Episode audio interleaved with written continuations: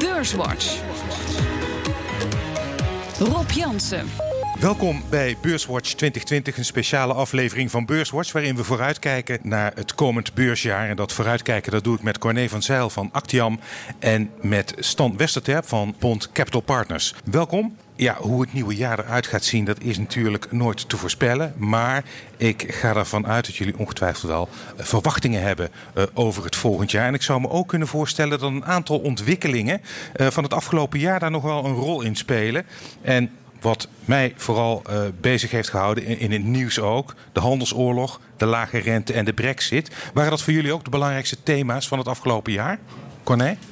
Uh, ja, ik keek toevallig uh, naar de vooruitzichten van vorig jaar. En toen zag ik uh, die allemaal genoemd worden. Inclusief natuurlijk Italië. En sterker nog, Italië gaat er waarschijnlijk weer opkomen. Want eind januari hebben we regionale verkiezingen. Die waarschijnlijk het Italiaanse politieke spectrum weer wat gaan veranderen. En dat is eigenlijk het vreemde. Al die, wat mijn voorspelling was, nou die thema's zullen wel weggaan. Ik denk dat we ze allemaal naar 2020 kunnen meenemen. Denk jij dat ook, Stan? Ja, je hebt het over drie thema's. Handelsdeal, ja? we hebben het over brexit. Italië ja. wordt nog ingebracht. Ja. En volgens mij de verkiezingen krijgen we natuurlijk ook nog. We krijgen volgend jaar ook Volgend jaar in Amerika. En reken maar dat de aandelenkoersen een paar maanden vooruitlopend daarop... ook heftig zullen gaan reageren op, op alle ontwikkelingen die we daar gaan krijgen. Brexit, handelsoorlog, lage rente, verkiezingen. Hoe gaan die de beurs beïnvloeden? Zal de stijgende lijn voortzetten? Hoe gaan die het sentiment beïnvloeden? Laten we even kijken naar die handelsoorlog. Zal dat nog druk geven op de koersen de komende periode? Ja, maar wat je continu ziet, Rob, is dat uh, die handelsoorlog... Beleggers worden op een gegeven moment ook een beetje moe van thema's die continu terugkeren. Hè? We kennen het verhaal wel een beetje. Mm. Uh, je ziet nu weer dat China en Amerika weer wat dichter bij elkaar komen. Hop, gaat de beurs weer omlaag. Nemen ze weer een stapje van elkaar af, gaat de beurs weer... Uh, sorry, gaat weer omhoog en daarna weer omlaag. Um, en je ziet wel op een gegeven moment dat het toch steeds wat minder impact begint te krijgen. Vooralsnog gaan we er eigenlijk vanuit dat uh, in ieder geval uh, heel veel problematiek vooruitgeschoven wordt. He, er worden nu wordt gesproken over de lichtere onderwerpen. Uh, waardoor we per saldo nog steeds record op record stapelen. Maar het is niet ondenkbaar dat inderdaad in aanloop naar die verkiezingen... dat de retoriek nog toch weer wat harder gaat worden. Met name vanuit Trump. En dat je dan toch wel even weer een, ja, met de billen samengeknepen zit... in afwachting van, uh, van wat de uitkomst gaat worden. Ga, ga jij ook vanuit, uh, Corné, als het gaat om de handelsoorlog? Ja, inderdaad. En wat je dus nu al ziet, is dat het ook steeds meer impact op de Amerikaanse economie begint te krijgen. Je ziet inkoopmanagersindices al, al dalen. Een van de hele mooie indicatoren die ik in de gaten hou, is het vertrouwen van CEO's. Dat staat nu op het diep van Amerikaanse CEO's. Dat staat nu op het dieptepunt sinds de grote financiële crisis. En dat geeft wel aan, ja, als die CEO's het niet meer vertrouwen, dan gaan ze ook niet meer investeren. Dat deden ze al niet zoveel. De afgelopen jaren hebben ze vooral share gedaan. Um, ja, en dat is dus uiteindelijk ook slecht voor de economie. En dat gaat misschien Trump nog wel opbreken. Wij verwachten dan ook een langzaam terugvallende economische groei. Corné, jij peilt, net als Bink, Bink peilt de stemming onder particuliere beleggers. Jij doet dat bij de professionele beleggers. Die voorspelden voor dit jaar een eindstand van 501 voor de AEX. Dat kan nog gebeuren, maar we staan op uh, tegen de 600. Ja, en het grappige was, uh, toen ik dat bekeek, uh, toen dacht ik, oh, ze zitten er vlakbij. En ik denk, oh, wacht eens even. Nee, er staat 501 en geen 601. Ja. Dan kun je nagaan dat al die experts, uh, en dat waren er uh, ruim 100, gemiddeld er zoveel naast staat. En dat was het gemiddelde. De, hoge, de experts met het beste voorspelling, die had, of met de hoogste voorspelling, dat 620 staan. Nou, dan zou je zomaar eens per ongeluk zomaar eens overheen kunnen gaan. En ja. kun je nagaan, hebben alle experts zaten dan aan de verkeerde kant. In Europa en in Amerika zie je dat de economische groei daalt. Dat kan uh, doorzetten, kan uh, een bodem zijn. Stan, hoe kijk jij daar tegenaan? Wat denk jij van die economische groei? Nou ja, het is, het is heel tweeledig. Je hebt allerlei indicatoren. Uh, Corné heeft het net inderdaad over vertrouwen onder CEO's. Uh, de inkoopmanagersindices zijn natuurlijk zeker voor de industrie zijn, zijn niet goed. Uh, zeker niet in Europa, maar in Amerika viel het eigenlijk ook tegen. Maar er zijn ook indicatoren die erop duiden dat het eigenlijk ontzettend goed gaat. Denk even aan het banencijfer dat we vanuit Amerika nog erbij kregen. Een werkeloosheid van rond de 3,5 procent. Nou, dat is, dat is historisch laag. Dat is nog ja. nooit eerder voorgekomen. Um, en daarin zie je wel ook dat de de, eigenlijk de, de, de machine op volle toeren draait op dit moment. En ik vind, uh, koppelend aan, aan die lage rente die we zien, uh, het ook helemaal niet zo gek dat dit soort waarderingen tot stand komen. En als je in scenario's gaat denken, kijk, wij Nederlanders zijn van nature en beleggers ook uh, altijd vrij angstig. Van we hebben hoogtevrees, hè, we hebben de crisis nog in ons hoofd. Wanneer gaan we die strap terug weer krijgen? Maar wat de Amerikanen altijd zo mooi zeggen: bull markets don't die of old age.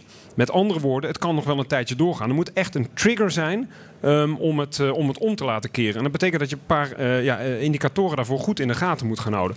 Onder andere de inflatie. Als die op gaat lopen, dan kan je ervan uitgaan dat misschien de rente wel eens weer gaat stijgen. En dat is per definitie slecht voor aandelen. Zeker als je naar, naar dit soort waarderingen kijkt. Maar als dat niet gebeurt, is er ook nog steeds een kans dat we nog eens een keer een jaar 20% plus gaan maken. En dan moet je wel op gaan passen. Fear of missing out, hebben we al een paar keer gehoord, FOMO. Uh, dat je niet te vroeg uitstapt, want dat is ook een risico op zo'n moment. Dan mis je een enorm rendement. Is dat ook jouw uh, visie? Um, nou, wij zijn wat voorzichtiger. Die banencijfers waren echt gewoon ronduit uitstekend. Ik vond dat Trump zo waar erg bescheiden was over die. Uh, ik had wel een zo hele. kennen we hem niet? Nee, zo kennen we hem niet. Uh, ik had wel een hele reeks met ronkende tweets verwacht. Dat viel eigenlijk heel erg mee of tegen welke kant je het ook maar wil bekijken. Maar je moet wel bedenken. Uh, nou, er zaten natuurlijk de GM-strike zat erin. En er zijn ook een heleboel banen. Kijk, vlak voor de kerst heb je eh, dat al die warenhuizen op volle toeren werken. En dat zijn allemaal tijdelijke banen. En iedere keer dat iemand dus van baan naar baan gaat, is het weer een nieuwe werknemer. Dus die telt, als iedere maand een baan heeft, telt hij dus iedere maand één keer mee. En, en dat is een fenomeen wat je dus vroeger niet had. En uh, zeker voor het, uh, voor het kerstseizoen heb je dat heel veel gehad. Dus ik ben heel benieuwd hoe het volgende maandcijfer eruit ziet. Maar dat is natuurlijk een detail. Het is wel zo dat het achterlopende cijfers zijn. Persoonlijk uh, zie ik wel wat meer opwaartse potentie in Europa. Daar zie je echt wel uitbodeming. De ZEW-index was eigenlijk heel erg goed. De verwachtingenindex gaan omhoog. nieuwe orders gaan omhoog. En in Amerika zie je tegenovergesteld. Als je naar ISM nieuwe orders kijkt, die is echt echt gekelderd. En dat is wel een zorgwekkend cijfer, want dat is echt heel erg vooruitlopend. Dus wij zien de economische groei in Amerika teleurstellen, verder naar beneden gaan. In Europa voorzichtig uitboden. Het zal geen juichend jaar worden, maar het, het zal eh, wat minder slecht worden en wat langzaam de weg omhoog gaan. Eh. En dan hoort misschien een klein beetje hogere rente bij. Ja. En uh, Stan, uh, als jij het hebt over uh, jouw positieve verhaal, is dat vooral geschoeid dan op het Amerikaanse deel of ook wel op het Europese deel? Nee, nou ja, een, een combinatie daarvan denk ik. Maar het is niet zozeer dat wij ervan uitgaan dat we volgend jaar weer even 20% bijplussen. Het gaat mij er alleen om dat je in scenario's denkt en dat dit ook een reëel scenario is. En dat je dus op moet gaan passen met weer te voorzichtig te zijn. Want dan kan je dus in de lange looptijd dat je rendement wil maken. Als je net één heel goed jaar mist, dan is het heel moeilijk om dat de volgende jaren weer goed te gaan maken. Voor wat betreft de economische groei zien wij ook wel inderdaad dat waarschijnlijk de groeiverwachtingen, in ieder geval voor de bedrijfswinsten in Amerika volgend jaar wat terug gaan lopen. En dat inderdaad Europa misschien wat normaliseert. Nou, als je dan kijkt naar de waarderingen, die zijn in Amerika hoog. Dat is traditioneel zo. Maar de premie voor Amerikaanse aandelen is wel heel erg hoog ten opzichte van de rest van de wereld.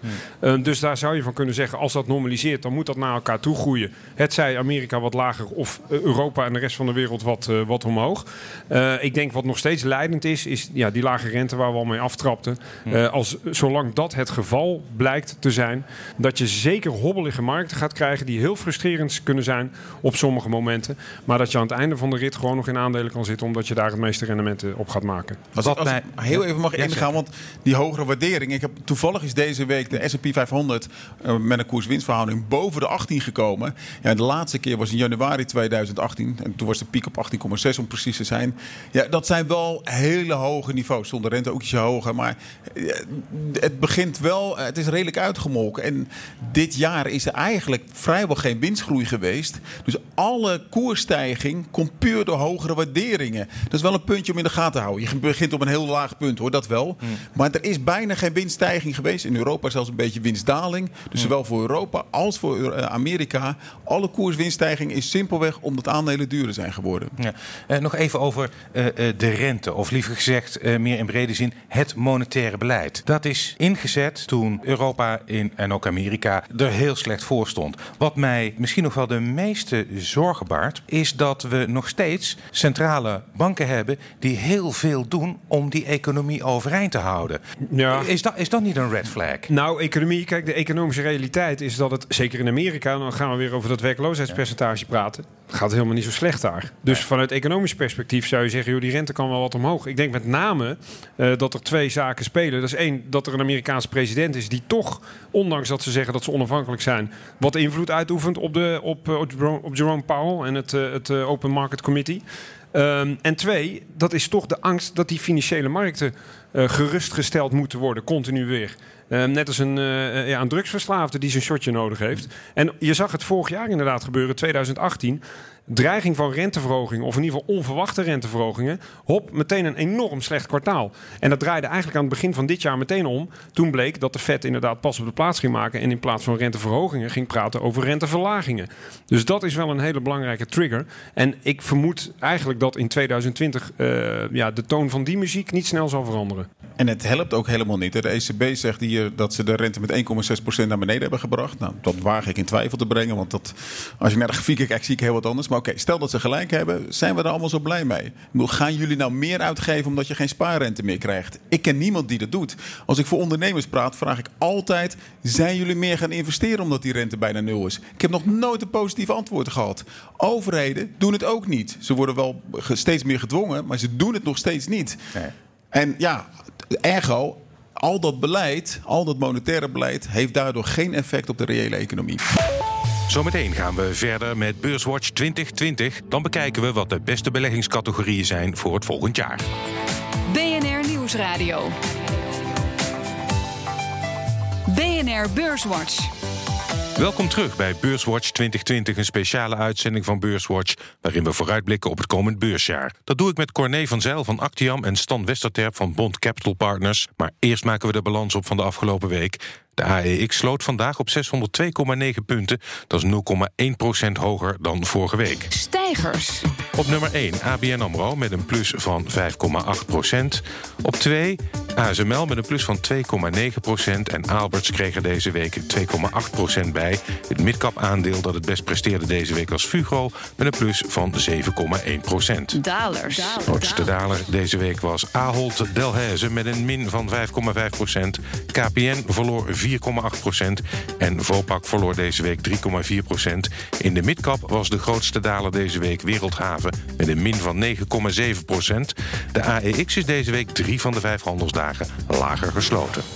We gaan het hebben over beleggen in 2020. De fear of missing out. eh, die kan natuurlijk ontstaan bij eh, beurzen die maar blijven stijgen. We zien dat eh, in Amerika en in Europa. Stel, mijn goede voornemen op het nieuwe jaar 1 januari. Ik ga beleggen. Hoe stel ik verstandig een portefeuille samen, Stan? Eh, ja, dat vind ik een hele goede vraag, Rob. En ik wil wel een beetje naar de, de geschiedenis kijken van de afgelopen tien jaar. Eigenlijk is de afgelopen tien jaar na de financiële crisis zo geweest... dat als je maar belegd was in de markten, dat je altijd wel rendement zou maken. We noemen dat met een mooi woord eigenlijk gewoon beta. Dus koop gewoon de index en dat gaat wel omhoog.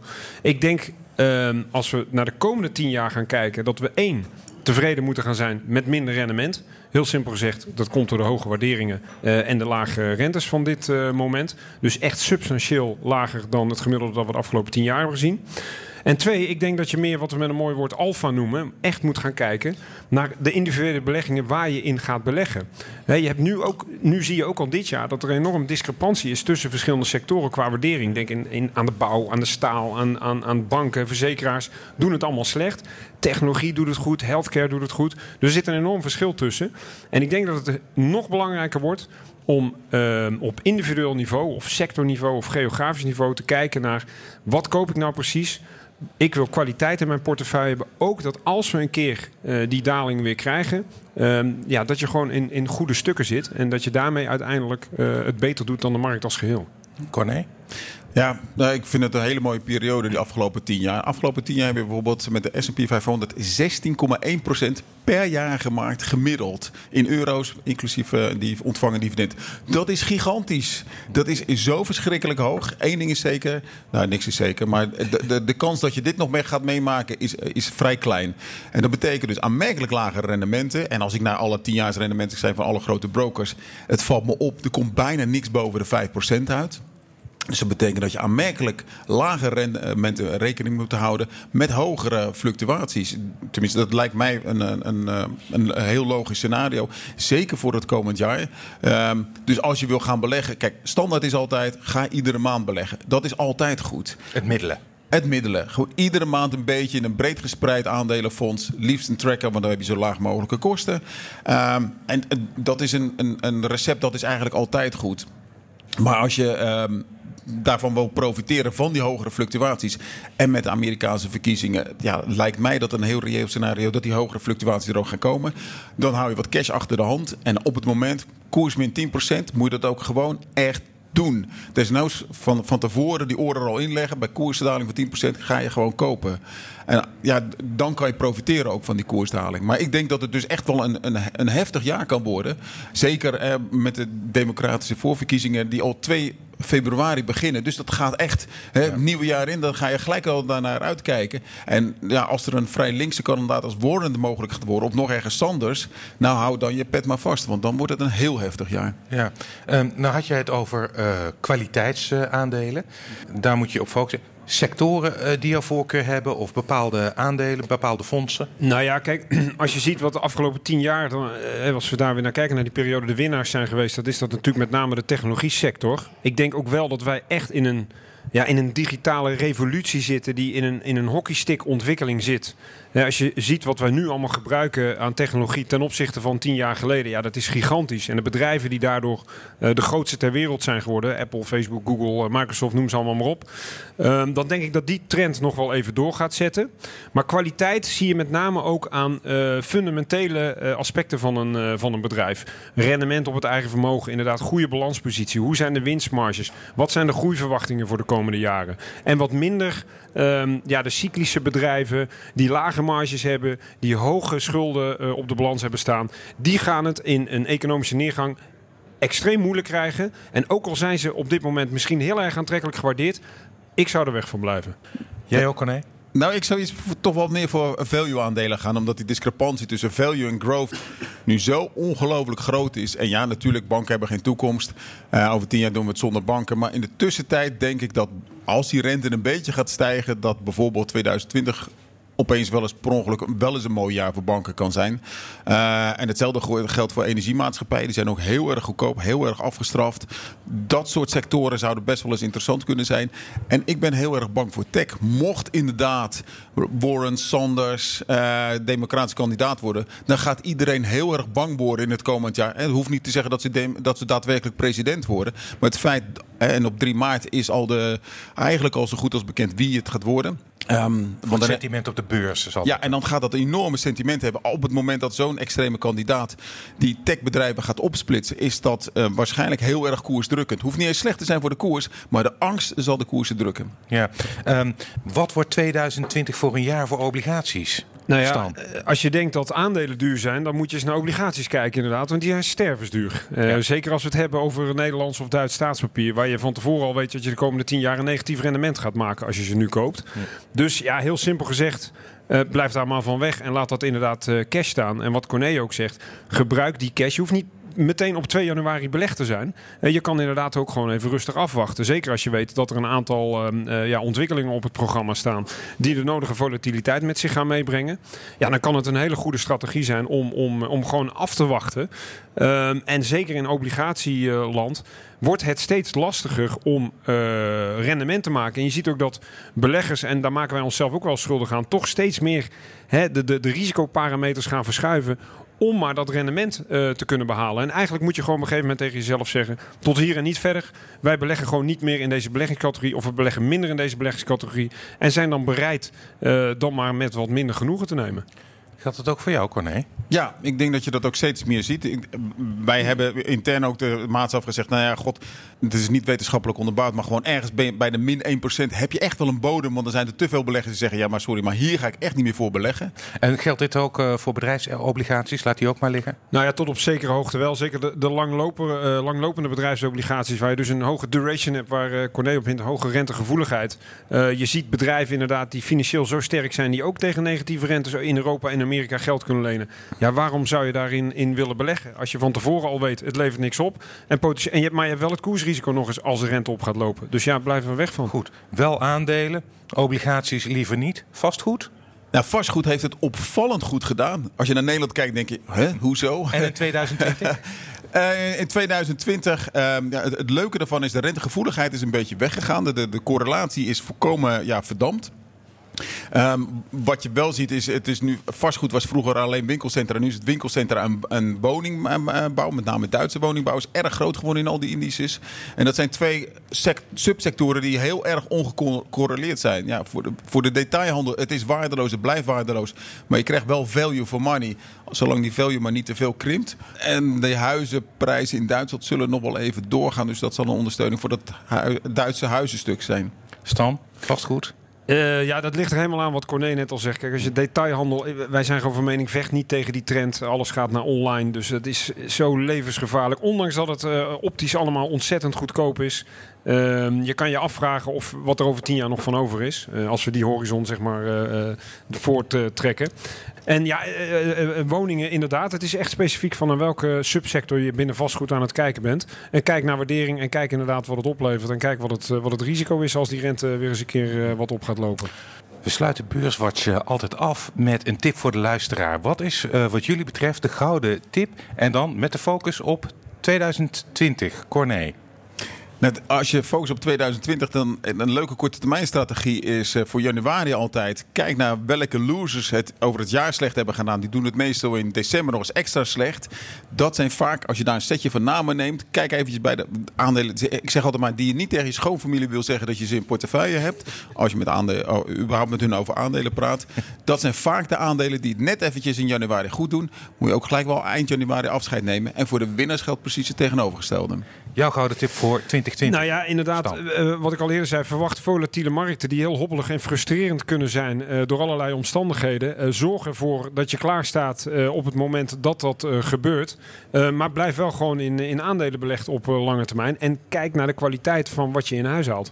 Hartelijk dank. Corné van Zijl van Actiam en Stan Westerterp van Bond Capital Partners. Dit was Beurswatch 2020, waarin we vooruitkeken naar het komend beursjaar. Als u wilt reageren, dan kunt u een mail sturen naar beurswatch.bnr.nl of tweeten naar Rob en terugluisteren. Dat kan via de site, de app, iTunes of Spotify. En graag tot volgende week.